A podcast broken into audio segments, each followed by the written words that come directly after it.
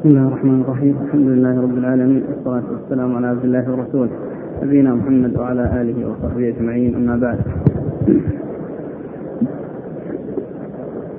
قال الإمام الحافظ أبو عيسى الترمذي رحمه الله تعالى قال في جامعه في كتاب الفتن باب ما جاء في طلوع الشمس من مغربها. قال حدثنا هناد قال حدثنا أبو معاوية عن الأعمش عن إبراهيم التيمي عن أبيه عن أبي ذر رضي الله عنه أنه قال دخلت المسجد حين غابت الشمس. والنبي صلى الله عليه وعلى آله وسلم جالس فقال يا أبا ذر أتدري أين تذهب هذه قال قلت الله ورسوله أعلم.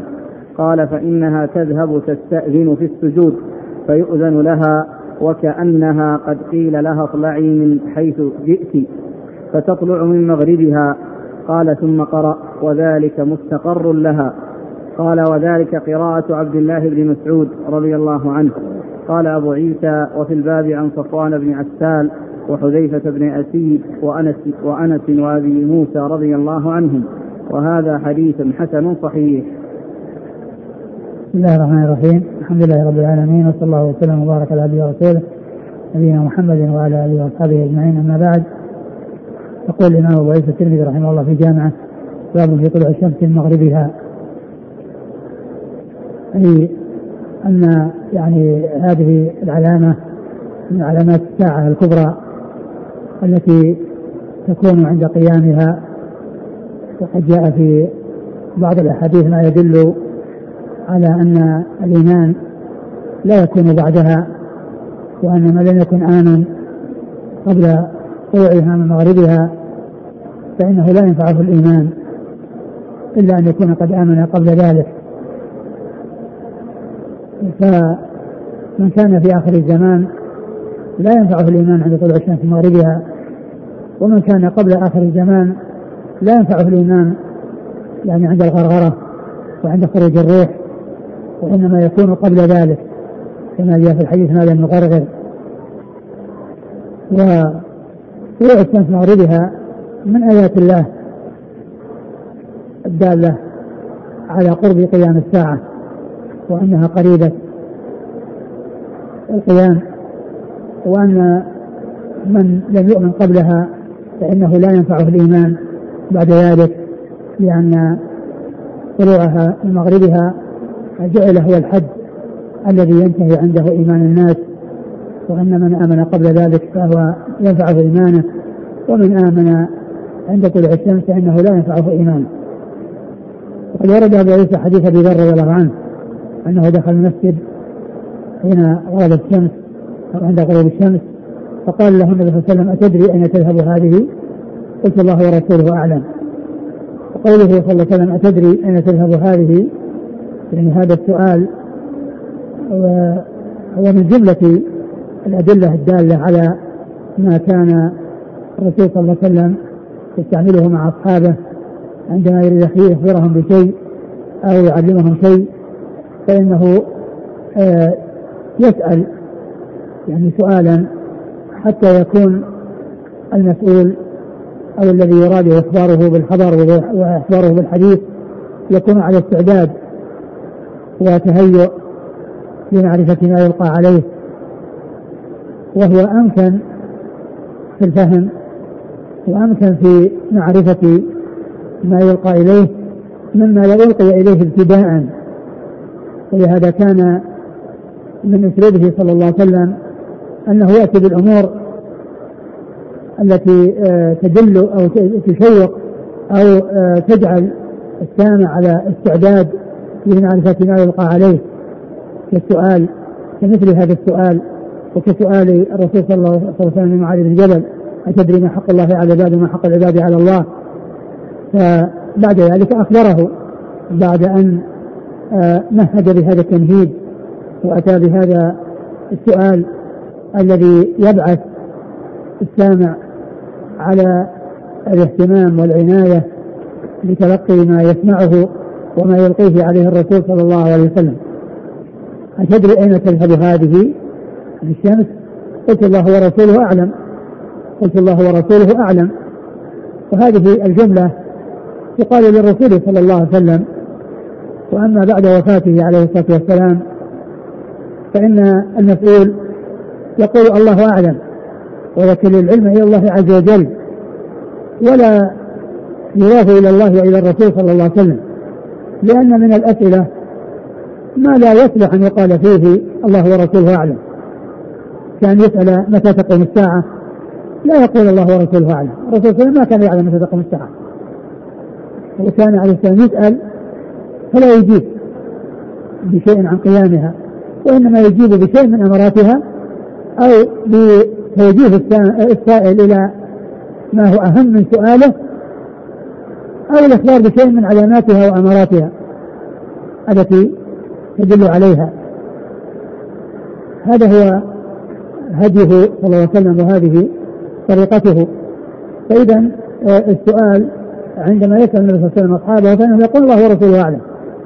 ولكن بعد ذلك يقال الله أعلم لأن الرسول صلى الله عليه وسلم ليس كل شيء يسأل عنه يعني يكون معلوما للنبي صلى الله عليه وسلم لأن من أمثلة ذلك قيام الساعة.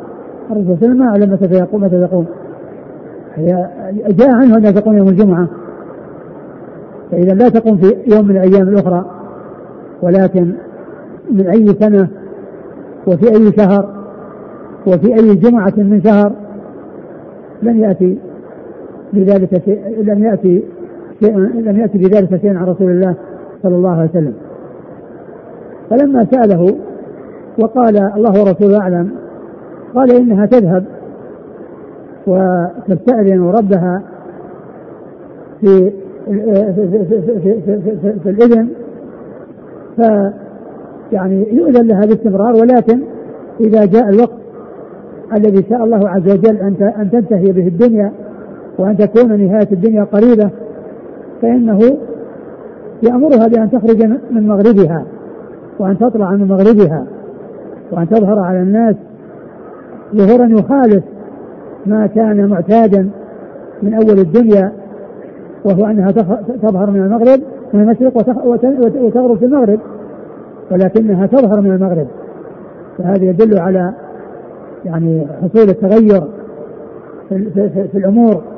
والتغير في يعني الكون وأن هذا الذي قدر الله عز وجل أن يكون باستمرار تظهر من المشرق وتنتهي تخرج وتغرب من جهة المغرب أنها تطلع من مغربها فيكون بذلك حصل التغير الذي دل على قرب قيام الساعة. والذي كما عرفنا جاء النبي صلى الله عليه وسلم فيه أن جاء عن النبي صلى الله, صلى الله عليه وسلم فيه أنها يعني تخرج من مغربها وأن هذا هو عند نهاية الدنيا. ثم قول أنها يعني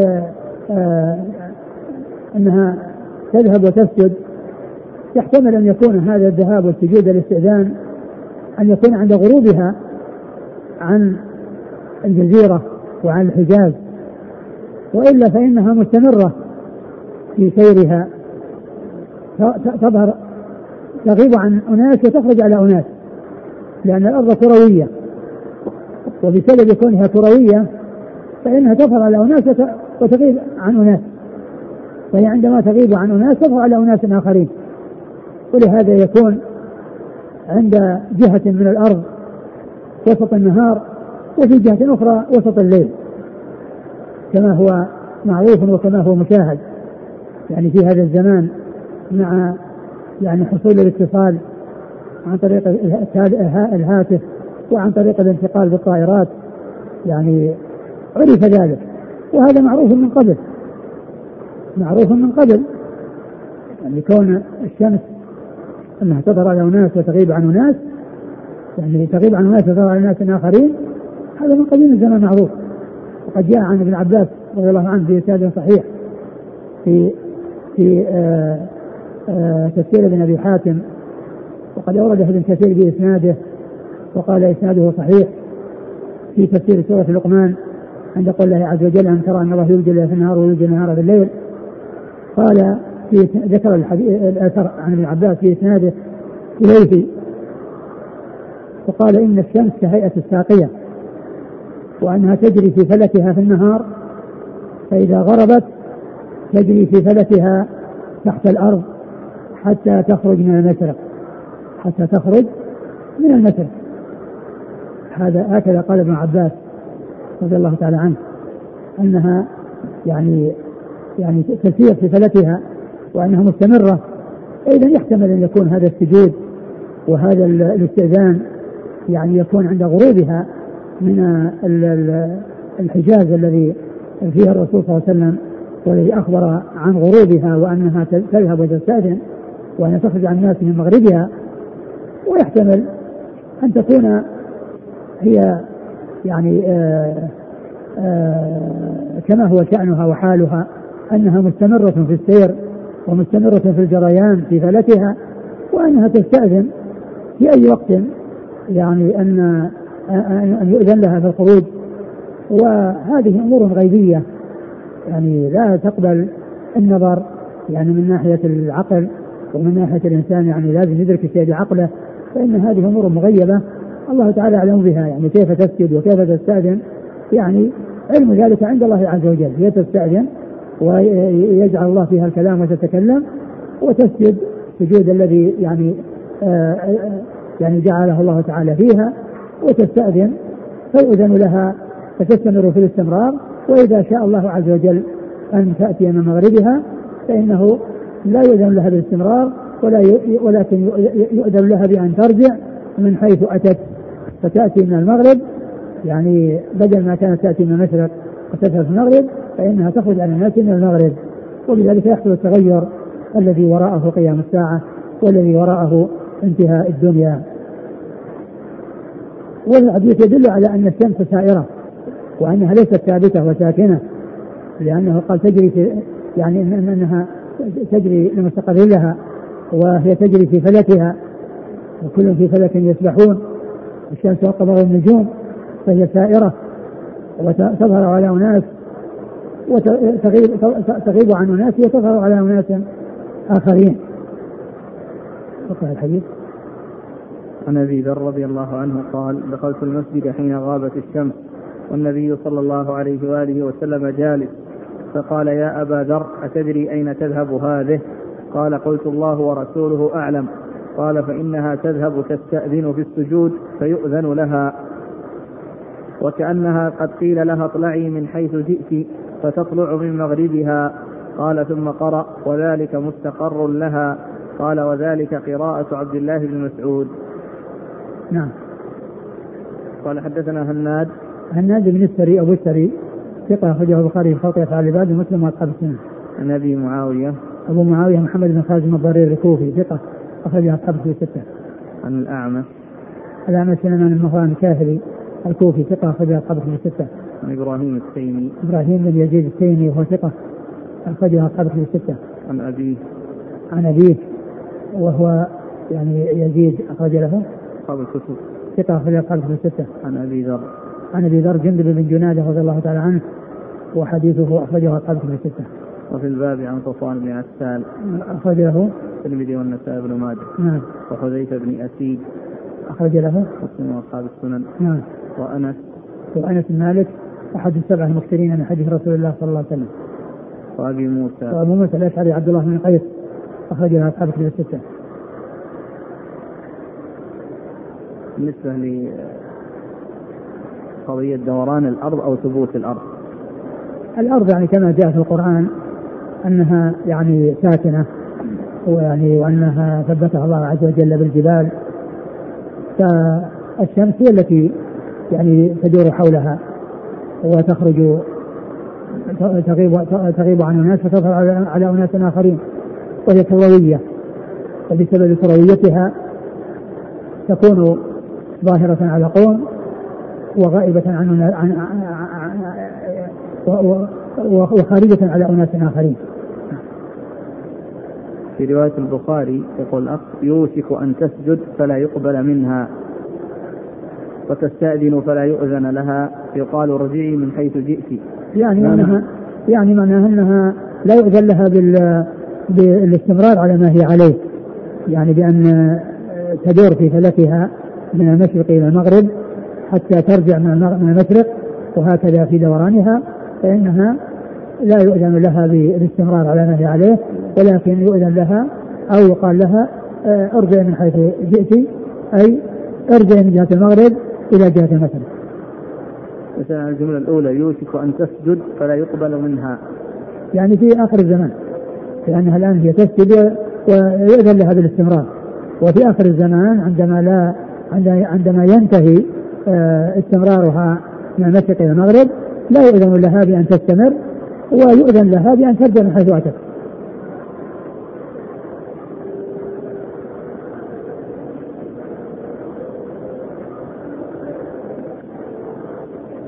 يقول بالنسبة لقول الله ورسوله أعلم ألا يفصل فيقال في أمور الشرع ممكن أن يقال الله ورسوله أعلم. إن الرسول صلى الله عليه وسلم يعلم أمور يعلم كل أمور الدين. هو لا شك لكن هناك أمور يعني لا يعلمها الرسول صلى الله عليه وسلم وقد يسأل عنها فيكون الجواب واحدا وهو الله أعلم.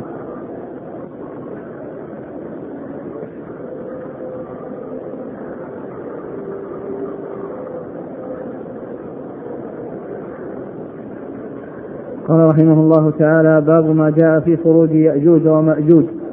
قال حدثنا سعيد بن عبد الرحمن المخزومي وأبو بكر بن نافع وغير واحد.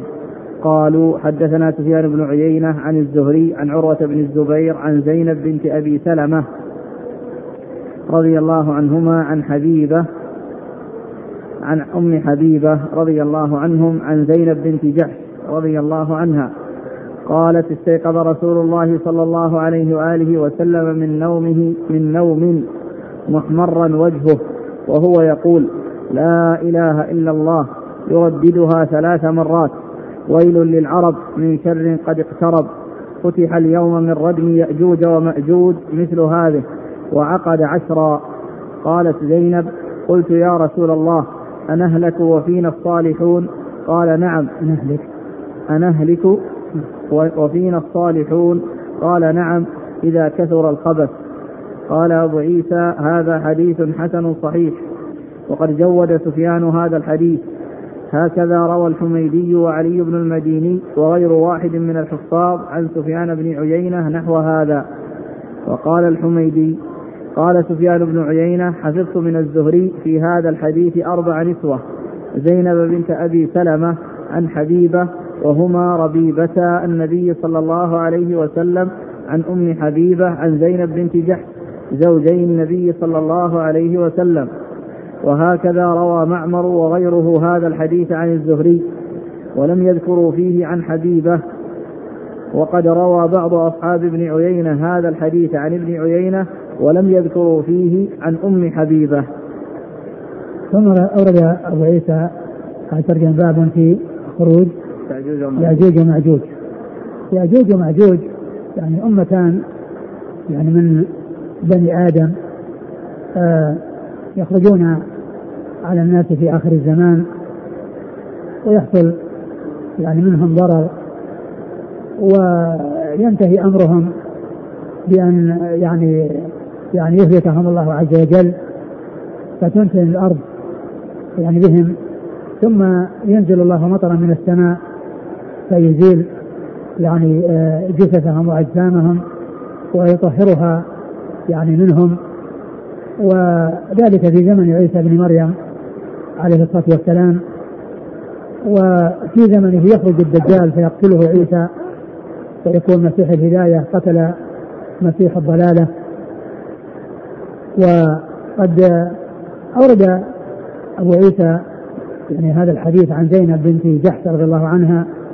أنه كان أنه قام يعني من نومه فزعا يعني محمرا وجهه يقول ويل للعرب من يقول لا إله إلا الله ويل للعرب من شر قد اقترب.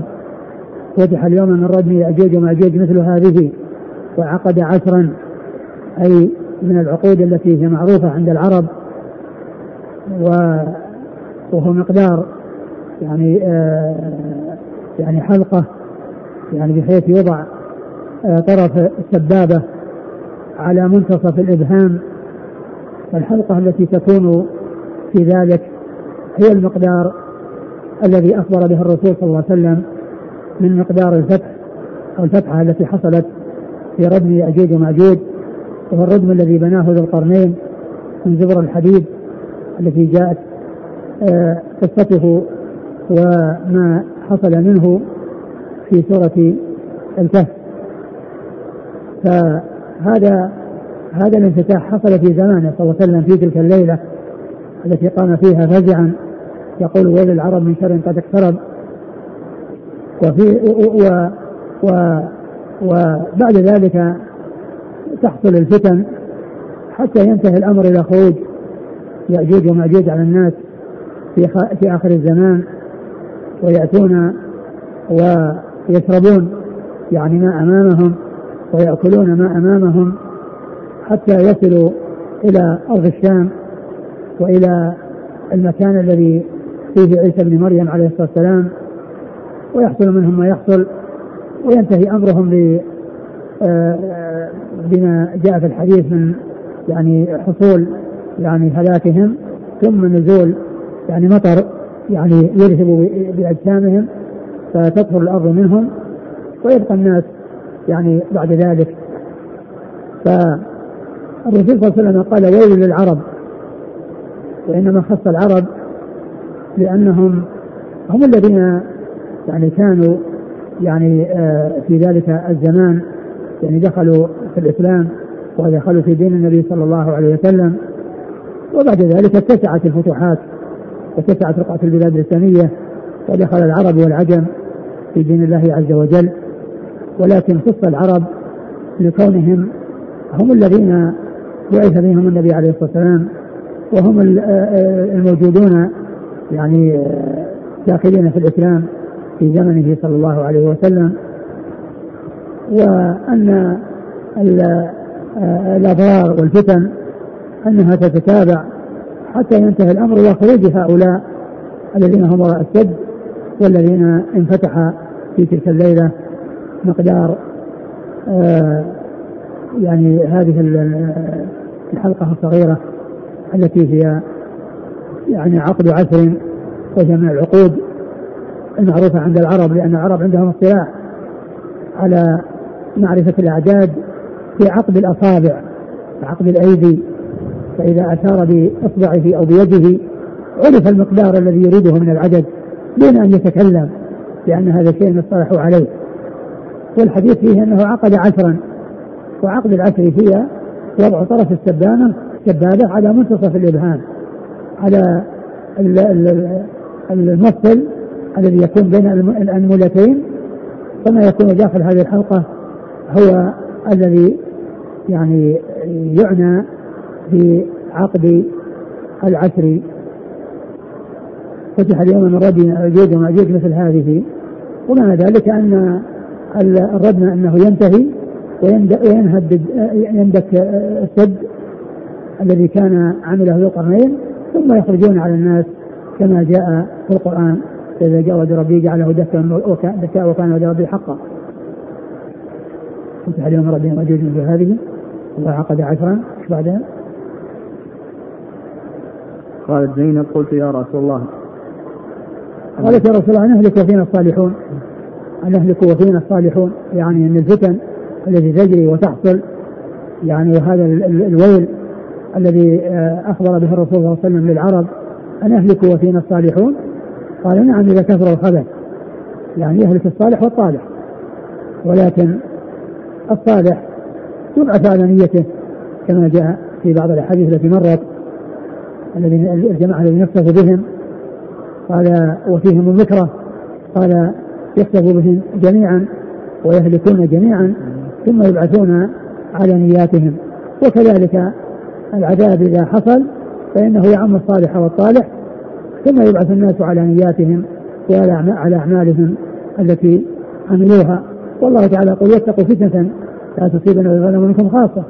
يعني أن العذاب إذا حصل بسبب البعض فإنه يكون للجميع ويهلك الجميع وتنتهي الآجال والأعمار بهذا الهلاك العام الذي حصل لهؤلاء الذين نزل بهم العذاب أو حصل لهم الخس أو غير ذلك ثم يبعث ثم يبعثون على نياتهم وعلى أعمالهم.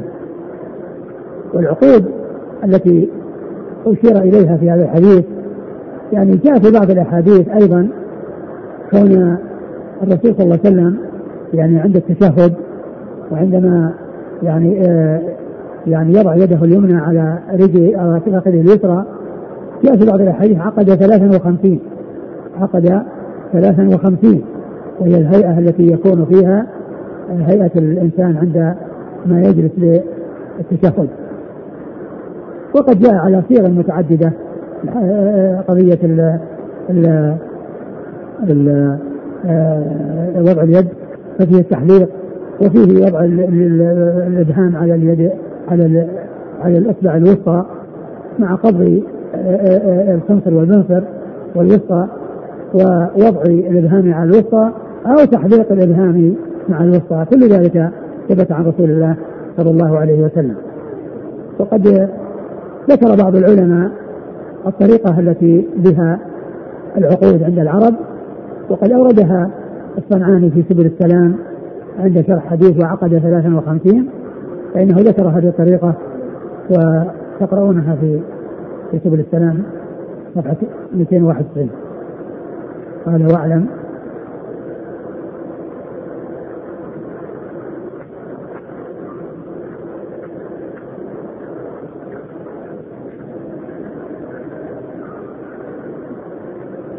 قال رحمه الله تعالى واعلم أن قوله في حديث ابن عمر وعقد ثلاثا وخمسين إشارة إلى طريقة معروفة تواطأت عليها العرب في عقود الحساب وهي أنواع من الآحاد والعشرات والمئين والألوف.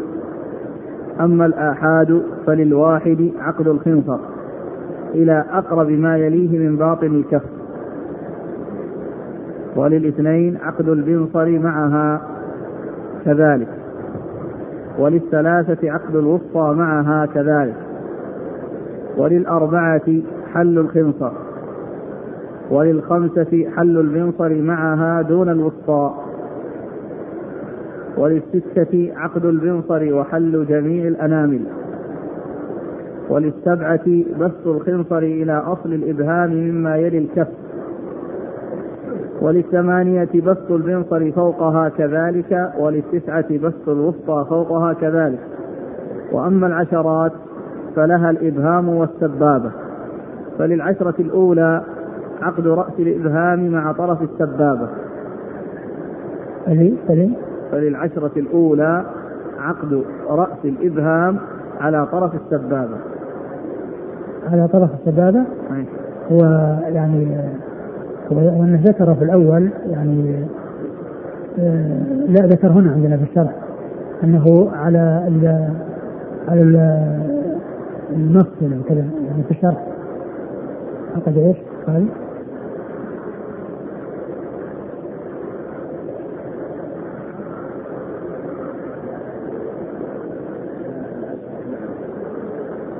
عشرة.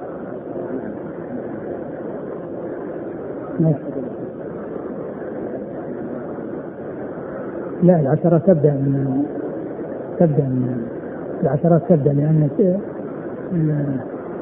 الآحاد الآحاد إلى تسعة ثم تبدأ العشرة قال؟ هنا في المبارك تحت الأحوذي يقول وعقد العشرة وعقد العشرة أن يجعل طرف السبابة اليمنى في باطن طي عقدة الإبهام. العليا.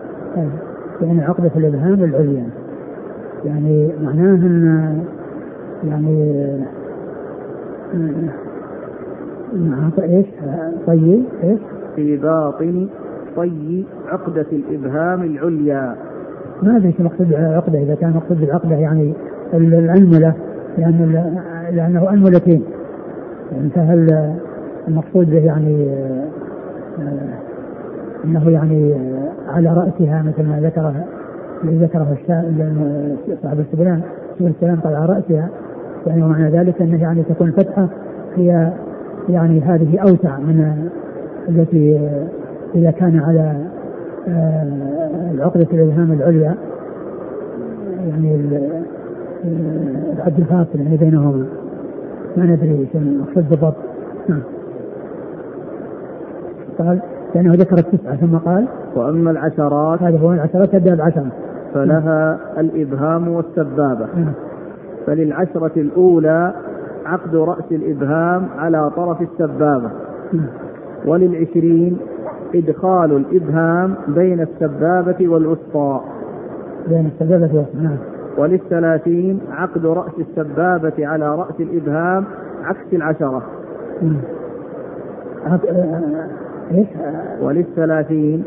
عقد رأس السبابة على رأس الإبهام عكس العشرة بس يعني التسمية ليس بينهما فرق لأن النتيجة واحدة إذا كان الطرف سواء كان هذه إلا إذا كان أنه أي دخلها تحت فيه وهذه نعم فيه فوق.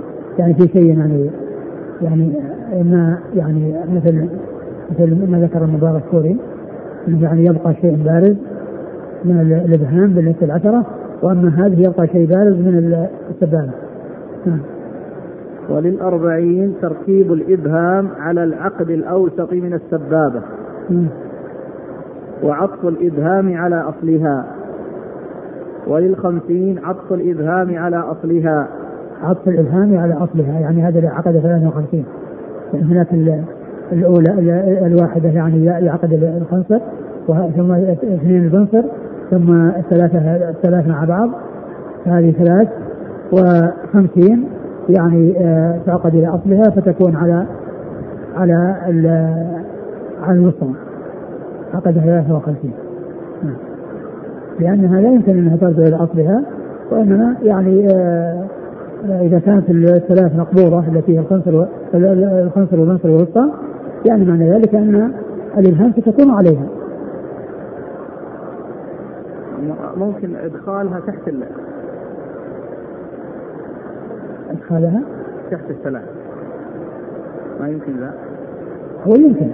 يمكن أن تدخل تحت الثلاث لكن الرسول صلى الله عليه وسلم ما يعني ما جاء عنه الإدخال تحت الثلاث وإنما جاء عنه التحليق أو وضعها على على الوسطى وللستين تركيب السبابة على ظهر الإبهام عكس الأربعين.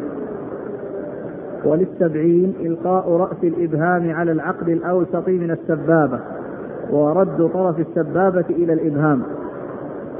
وللثمانين رد طرف السبابة إلى أصلها وبسط الإبهام على جنب السبابة من ناحية الإبهام. وللتسعين عطف السبابة إلى أصل الإبهام وضمها بالإبهام. وأما المئين فكالآحاد إلى تسعمائة في اليد اليسرى. والألوف كالعشرات في اليسرى. يعني صارت المئين والألوف كلها باليسرى. والاحاد والعشرات يعني باليمنى. انتهى؟ نعم. نعم. نعم.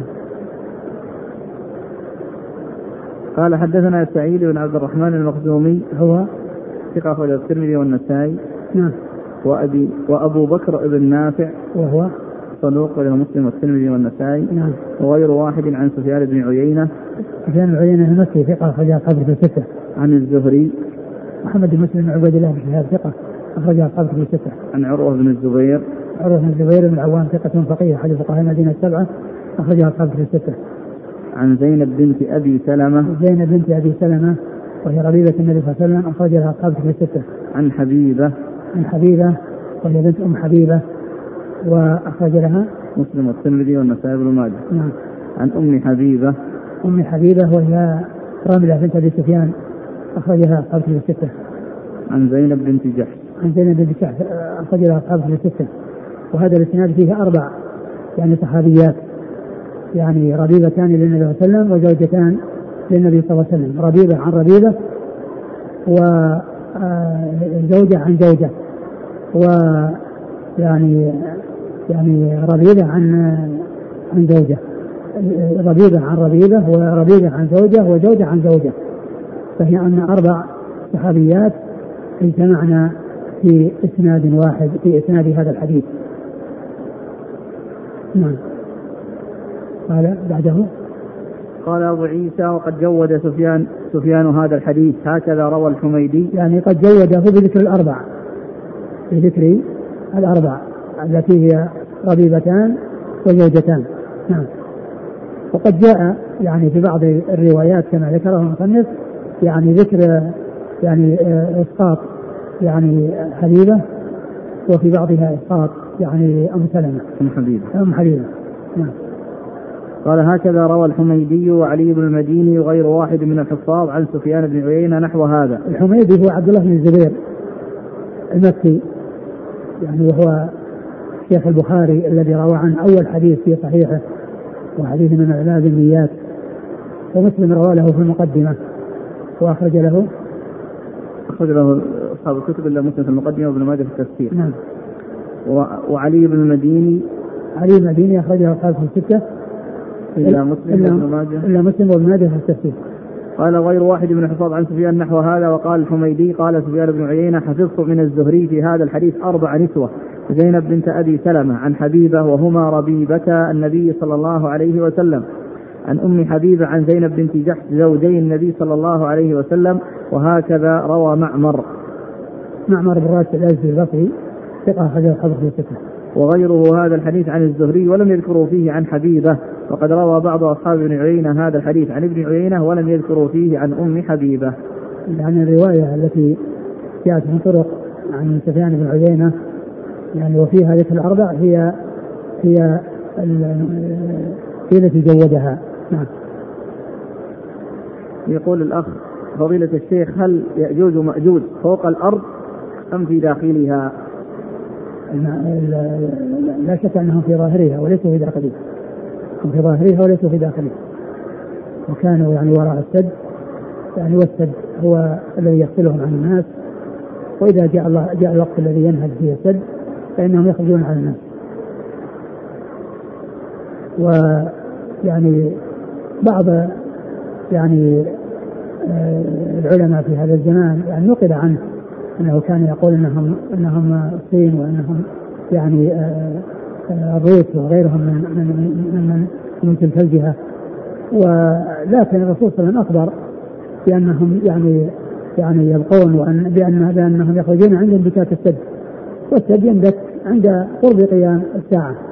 وأنهم يخرجون إلى الناس ويأتون ويشربون ما وراءهم ما أمامهم من البحار. وحتى يصلوا إلى أرض فلسطين. ويهلكون هنالك كما أخبر بذلك رسول الله صلى الله عليه وسلم. وقال يعني بعض أهل العلم يعني أن كونهم موجودين ولم يهتدى إليهم شبيه لذلك بالجماعة الذين كانوا في التيه 40 سنة يتيهون لم يهتدوا إلى أحد ولم يهتدي إليهم أحد. ما رآهم أحد ولا رأوا أحد. والله تعالى حجبهم عن الناس وحجب الناس عنهم. فإذا كانوا أربعين سنة يتيهون في الأرض فهؤلاء يعني يعني عدم العثور عليهم مثل عدم العثور على هؤلاء. وهذا يذكر من حيث الجهة. هل صحيح أنهم يخرجون من جهة الصين؟ ويقول بأني سمعت أن الشيخ عبد العزيز بن باز رحمه الله كان يفتي بذلك. الله تعالى أعلم. نعم. آه، في قوله صلى الله عليه وسلم فتح اليوم من ردم يأجوج ومأجوج. لكنه يعني الرجال في البحيرة الطبرية يعني في البحيرة الطبرية. والله هي في طريقهم. هي في الطريق إلى إلى إلى, فلسطين.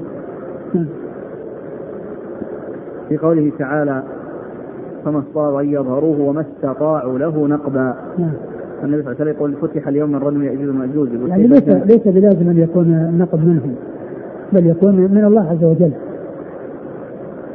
ولهذا جاء فما استطاعوا أن يظهروه وما استطاعوا له نقبا. يعني ما استطاعوا يعني يطلعوا من فوقه وما استطاعوا أن يخرقوه.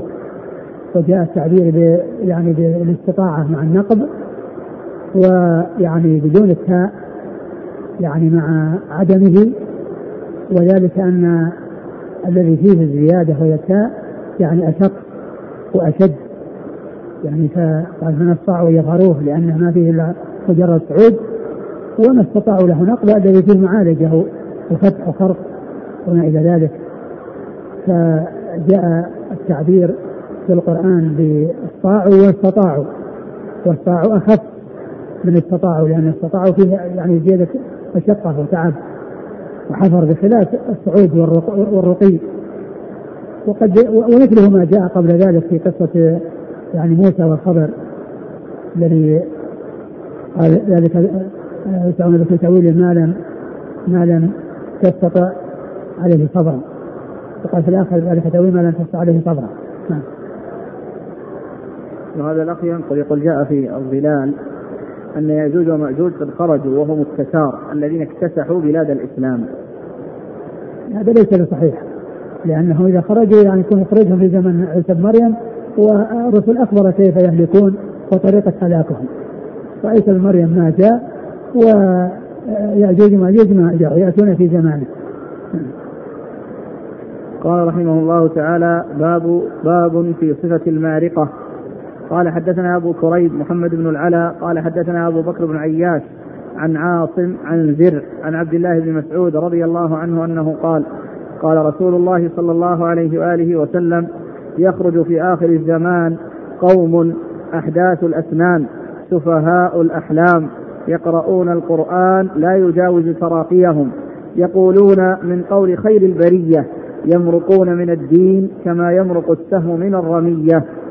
قال أبو عيسى وفي الباب عن علي وأبي سعيد وأبي ذر رضي الله عنهم وهذا حديث حسن صحيح وقد روي في غير هذا الحديث عن النبي صلى الله عليه وآله وسلم حيث وصف هؤلاء القوم الذين يقرؤون القرآن لا يجاوز تراقيهم يمرقون من الدين كما يمرق السهم من الرمية إنما هم الخوارج والحرورية وغيرهم من الخوارج. ثم روي أبو عيسى هذه ترجم باب في صفة المارقة. يعني الذين يمرقون, من الدين. يعني في صفة الخوارج. والخوارج جاء في أحاديث كثيرة. يعني في في في بيان يعني أحوالهم وخروجهم وقتلهم ويعني آه، آه، وقد جاءت الأحاديث كثيرة في ذلك. وخروجهم كان في زمن علي رضي الله تعالى عنه. ولهذا قال جاء في الحديث آه تخرج يعني قال خارجة على حين فرقة من المسلمين على حين فرقة من المسلمين تقتلهم أولى الطائفتين بالحق. يعني يقتلهم علي ومن معه. يعني فهم يعني يخرجون على حين فرقة من المسلمين يعني حيث يكون يعني في الشام وفي العراق ويقتلهم أولى الطائفتين اللي هم يعني من كان في الشام ومن كان في العراق وهم علي ومن معه. وهو الذي قاتلهم وأرسل إليهم العباس أول الأمر لمناظرتهم ورجع الفان والباقون بقوا على ما هم عليه ثم خرجوا على الناس وقاتل الناس وقتلوا. وتحقق بذلك ما أخبر به الرسول صلى الله عليه وسلم عنهم. وهنا الترجمه هنا معقوده باوصافهم وقال إنهم سفهاء الأحلام يعني آه قال آه قال هم هم يخرج في آخر الزمان قوم أحداث الأسنان. أحداث الأسنان سفهاء الأحلام. أحداث الأسنان يعني أنهم شباب صغار. يعني سفهاء الأحلام يعني العقول. يعني فهم يعني آه، شباب صغار حديث السن يعني عقولهم يعني يعني موصوفة بالسفة يعني يمرقون من الدين كما يمرق السهم من الرمية وهذه هي صفاتهم التي يعني ترجم لها المصنف يعني أنهم أحداث الاسنان سفهاء الاحلام وأنهم يعني يمرقون من الدين يعني قيل أنه خروجهم منه بالكلية وعلى هذا يكونون كفارا ولهذا استدل من قال بكفرهم. ومنهم من قال إنهم ان المقصود بالدين هو الطاعة وأنهم يعني يمرقون من الطاعة ومن آه، يعني يعني فيفهمون النصوص على غير فهمها ويؤولونها على غير تأويلها ويركبون رؤوسهم ويخرجون على الناس ويقاتلونهم وهذا هو الذي قد حصل منهم.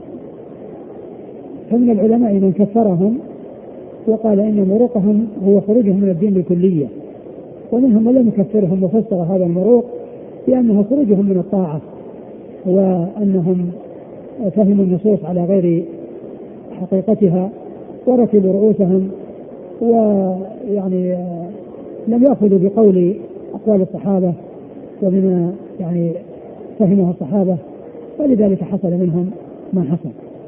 قال كما يمرق السهم من الرمية يعني السهم الذي يدخل في الصيد ثم يخرج منه فلا يبقى عليه أثر. يعني معناه أنهم يعني يخرجون من الدين كما يخرج ذلك السهم الذي ليس عليه أثر من لحم الطير أو الصيد الذي خرقه وخرج من الجهة الثانية.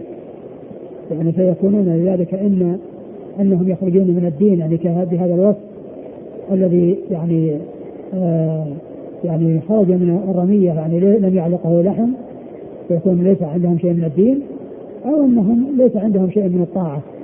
وعلى هذا حصل الخلاف يعني في حكمهم هل هم كفار أو غير كفار.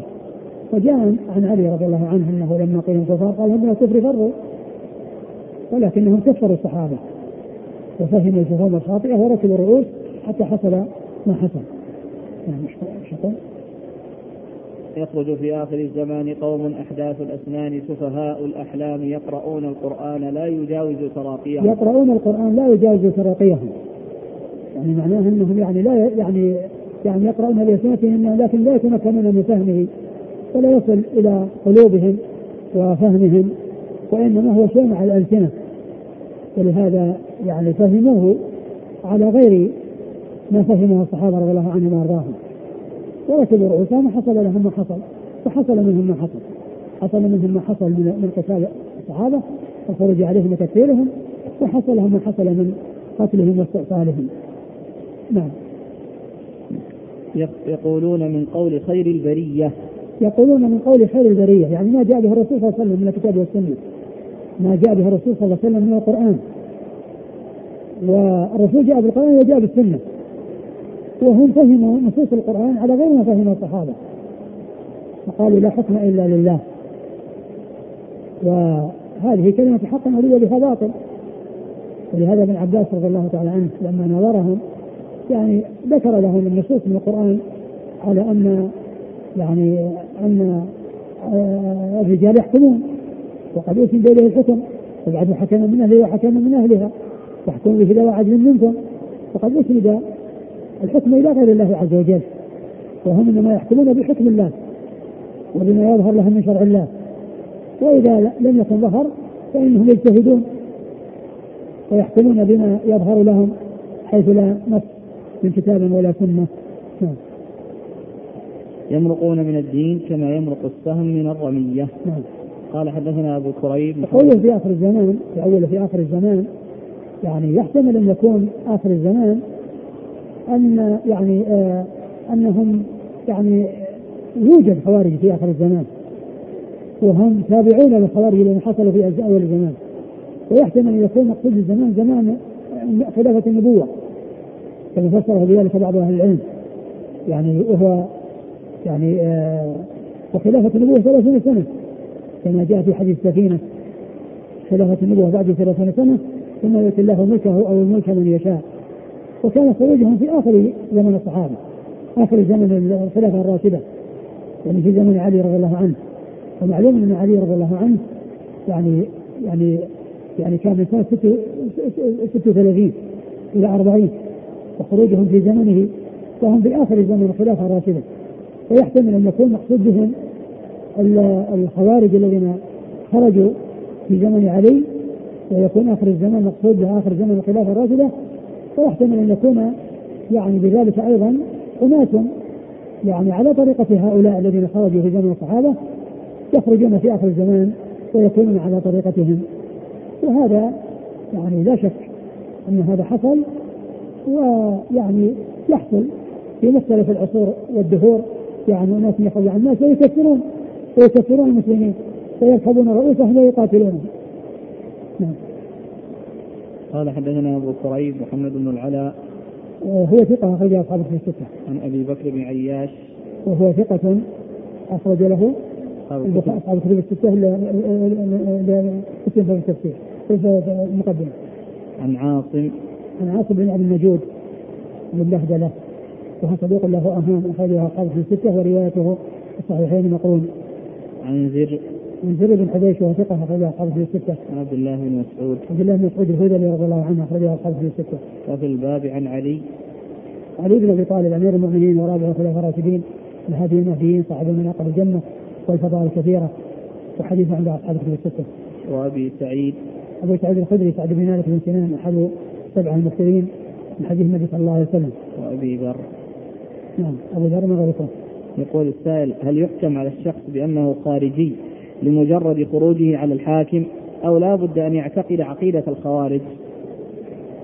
عقيدة الخوارج يعني فيها تكفير وفهم للنصوص على غير فهمها وقتال يعني للصحابة. و ولا شك أن من اجتمعت فيه يكون مطابقا لهؤلاء ومن لم يجتمع فيه عنده بعض صفاتهم عنده بعض صفات هؤلاء. الذين خرجوا على الصحابة رضي الله عنهم وأرضاهم. هذا نقل من البداية والنهاية في وصف المارقة. نقرأ ولا نعم. طويل ولا قصير؟ إذا نقرأ. قال رحمه الله تعالى باب في الأثرة وما جاء فيه. قال حدثنا محمود بن غيلان. كلام بعد ذلك. ها؟ كلام في آخر. بعد الحديث. وقد روي في غير هذا الحديث عن النبي صلى الله عليه وسلم حيث وصف هؤلاء القوم الذين يقرؤون القرآن لا يجاوز تراقيهم يمرقون من الدين كما يمرق السهم من الرمية. إنما هم الخوارج والحرورية وغيرهم من الخوارج. يعني الخوارج يعني والحرورية أو الخوارج الحرورية. ومعلوم أن الخوارج الحرورية هم الذين خرجوا على علي رضي الله عنه. ويعني نسبوا إلى حرورة وهي يعني قرية قريبة من الكوفة. انحازوا لما خرجوا انحازوا إليها واجتمعوا فيها وتجمعوا فيها. فيعني يقال لهم حرورية نسبة إلى ذلك المكان.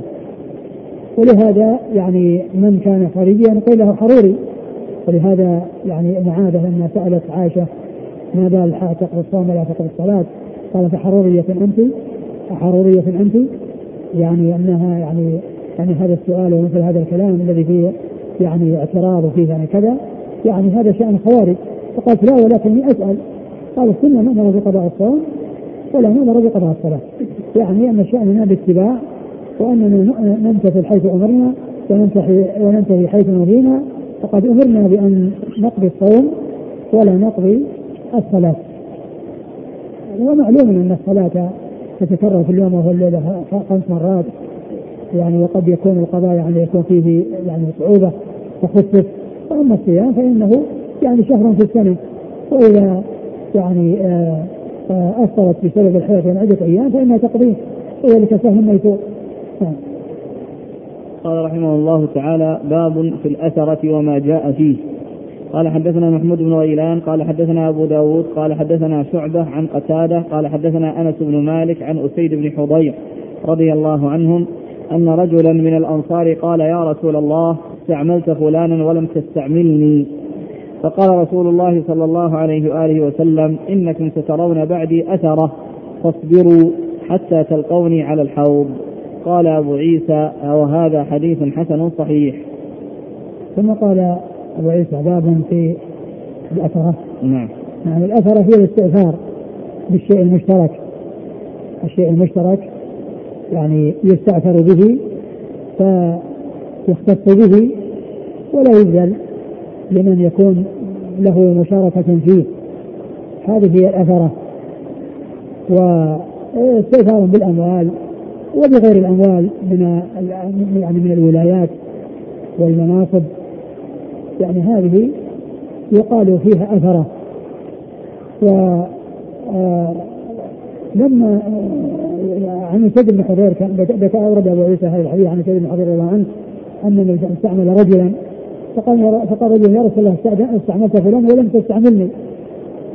يعني استعملت فلان ولم تستعملني. فالرسول صلى الله عليه وسلم قال انكم ستجدون بعد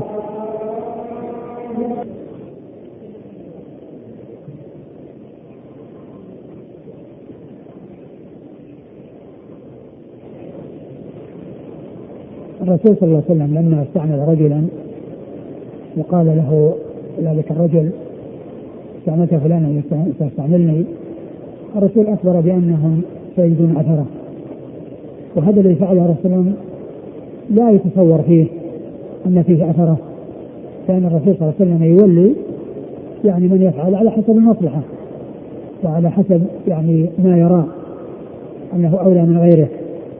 ومن المعلوم أن النبي صلى الله عليه وسلم يعني كما جاء في قصة أبي موسى والأشعري الذي جاء معه يعني من طلب الشيء لا يوليه ومن لم يطلبه فإنه هو الذي يوليه إذا كان أهلا لذلك.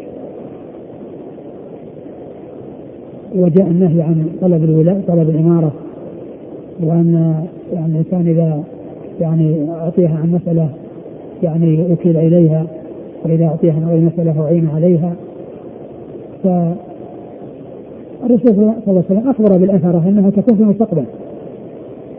وأما ما حصل في زمانه وما حصل منه فليس من قبيل الأثرة ولكنه لما رآه أنه قال استعملت فلان ولم تستعملني قال إن الأثرة ستأتي.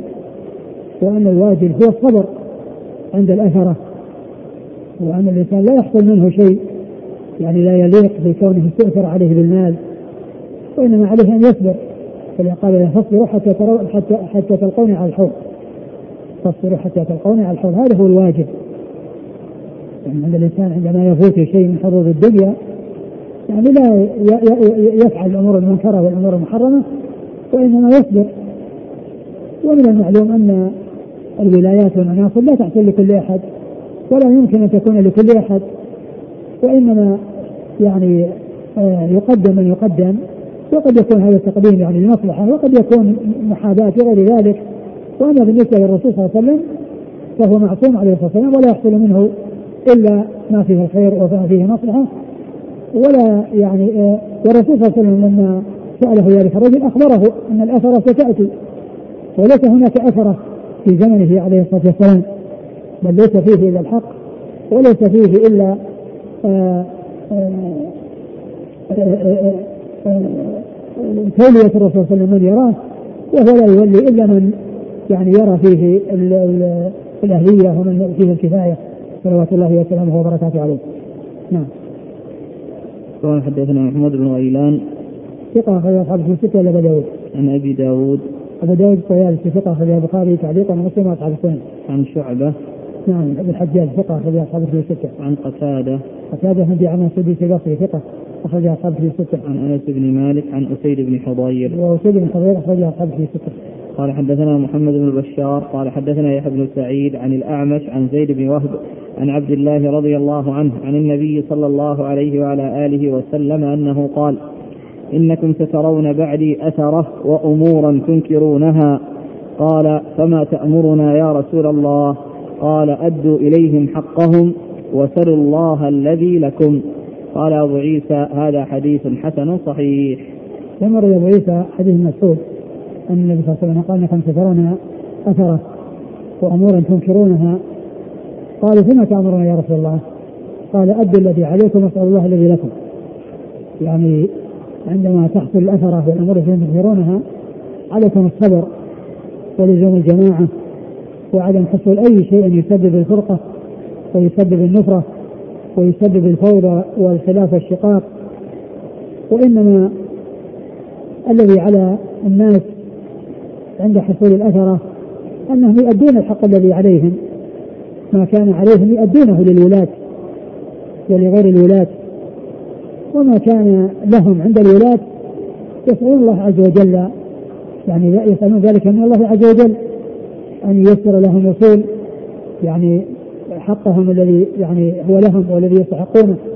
قال تؤدون الذي عليكم وتسألون الله الذي لكم. نعم. قال حدثنا محمد بن بشار. هو الملقب من دار ثقة أخرج أصحابه في الستة. عن يحيى بن سعيد. هو القطان ثقة أخرج أصحابه في الستة. عن الأعمش. نعم مرة زيد بن وهب. زيد بن وهب ثقة أخرج أصحابه في الستة. عن عبد الله. عبد الله بن مسعود رضي الله عنه أخرج أصحابه في الستة. انتهى. والله أعلم وصلى الله وسلم وبارك على نبينا محمد وعلى آله وأصحابه أجمعين. جزاكم الله خيرا وبارك الله فيكم. ألهمكم الله الصواب ووفقكم للحق. ونفعنا الله بما قلتم. وغفر الله لنا ولكم وللمسلمين أجمعين.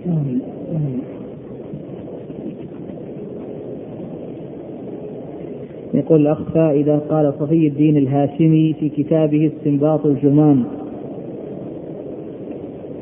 والدابة المذكورة. استنباط الجمان نعم.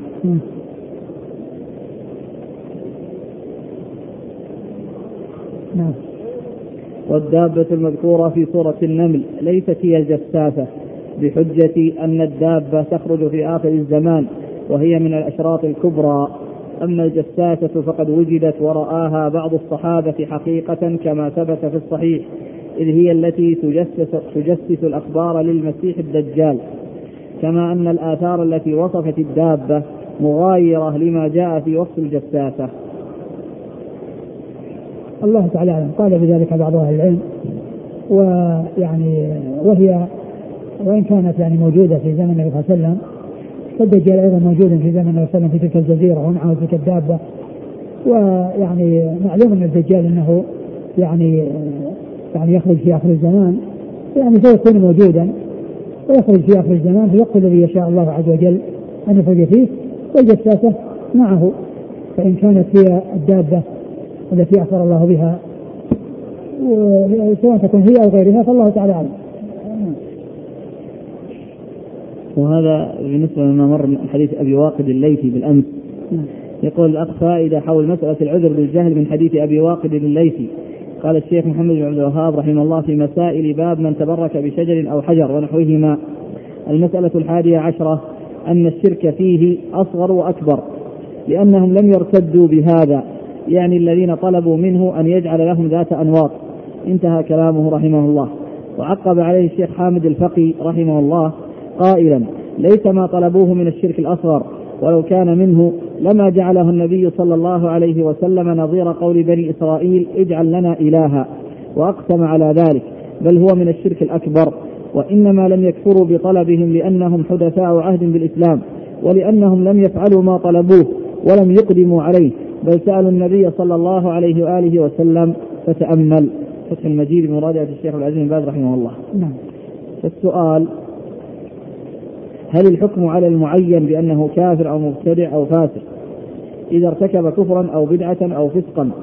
هل الحكم عليه من صلاحيات العلماء والقضاة والمحاكم الشرعية ثم عامة الناس تبع لهم أم أن ذلك يجوز لطلبة العلم؟ لا شك أن أهل العلم هم الذين يعني المرجع يعني في ذلك وهم الذين يعني يرجع إليهم في الحكم ويعني إصدار الأحكام. ولا يكفي أن أي أحد يصدر الحكم فإن من الناس من من يعني يعني ليس عنده الأهلية ومنهم من يستعجل ومنهم من لا يكون عنده خبرة يعني بالشروط والموانع. فيعني ليس كل أحد يعني يرجع إليه أو يمكنه الحكم على الأشخاص أو على الجماعات وإنما ذلك يرجع إلى أهل العلم. نعم. وما نقل عن الشيخ حامد الفقي؟ آه هو كونهم ما كفروا هذا يعني ما فيه إشكال.